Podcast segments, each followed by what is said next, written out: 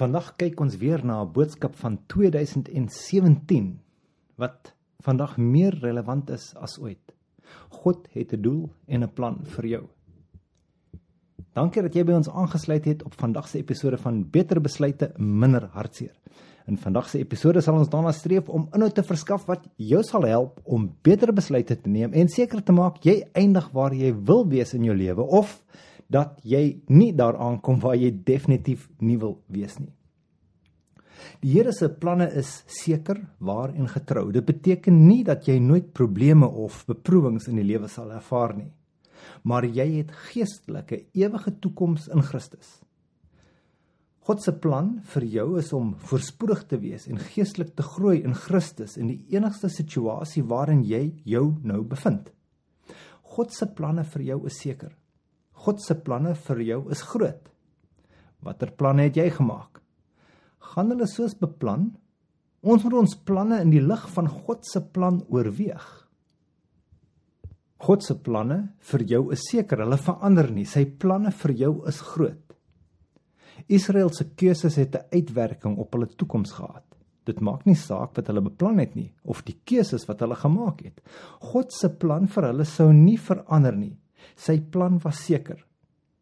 God het Nebukadnezar gebruik om 'n situasie in die lewens van die Israeliete te bewerkstellig om hulle tot 'n punt te bring om weer tot God uit te roep. God het die Israeliete se tyd in Babylon vir hulle beswil gebruik sodat die Israeliete weer tot God sou roep en toe en terugdraai na die Here. Rebellie en sonde het gevolge.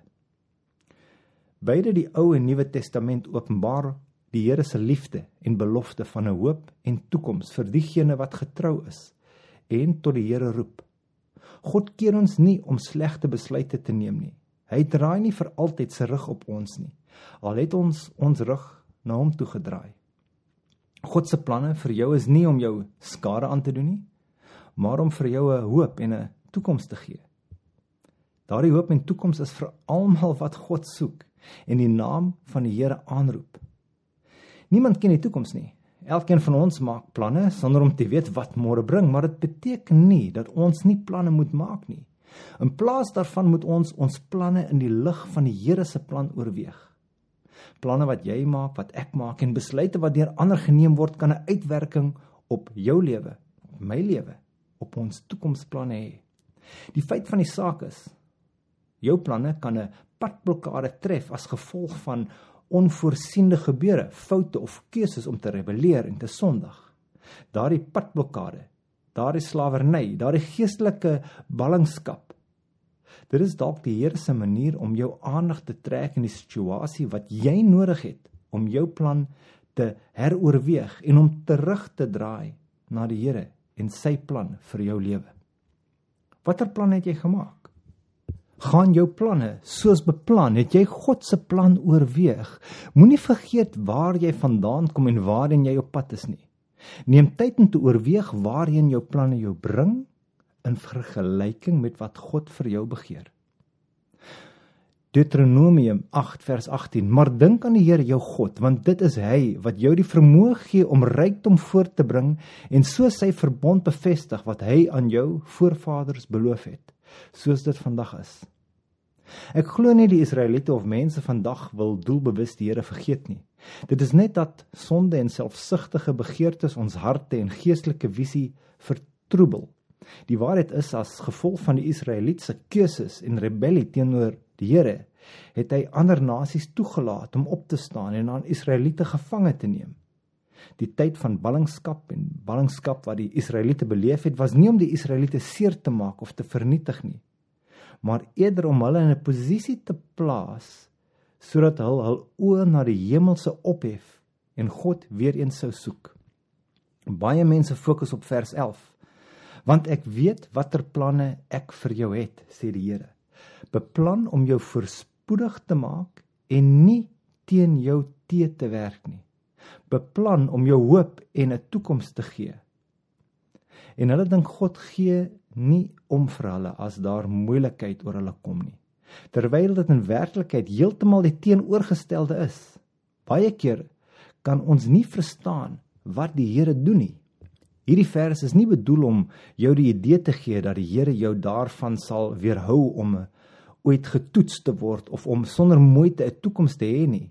Dit is nie 'n vers wat impliseer dat jy nie fisiese skade, siekte, verhoudingsprobleme, werkafleggings of enige aantal omstandighede wat jou in hierdie lewe teekom sal ervaar nie. Dit is eerder 'n woord wat praat van geestelike seënings en planne wat God van God wat groter is as enige fisiese seëning en toekoms op hierdie aarde. Dit is 'n woord wat spreek van hoop en 'n toekoms wat die volk van God, die Christene in Christus kan hê. Moenie probeer om jou planne af te dwing of God se plan of tydsberekening kort te maak nie. Dwars deur die skrif is God se begeerte die verlossing van die hele mensdom.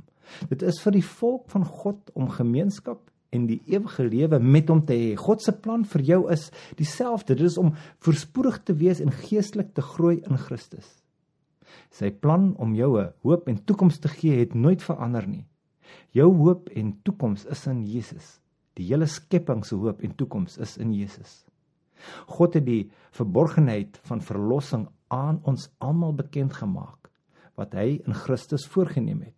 Jy het 'n hoop en 'n toekoms in Jesus, 'n hoop en 'n toekoms wat die ewige lewe saam met hom in heerlikheid, 'n hoop en 'n toekoms wat bo alles is wat jy weet of verstaan. So asseblief, moenie jou hoop in hierdie lewe plaas nie. Moenie jou hoop plaas op wat jy met jou hande kan doen nie.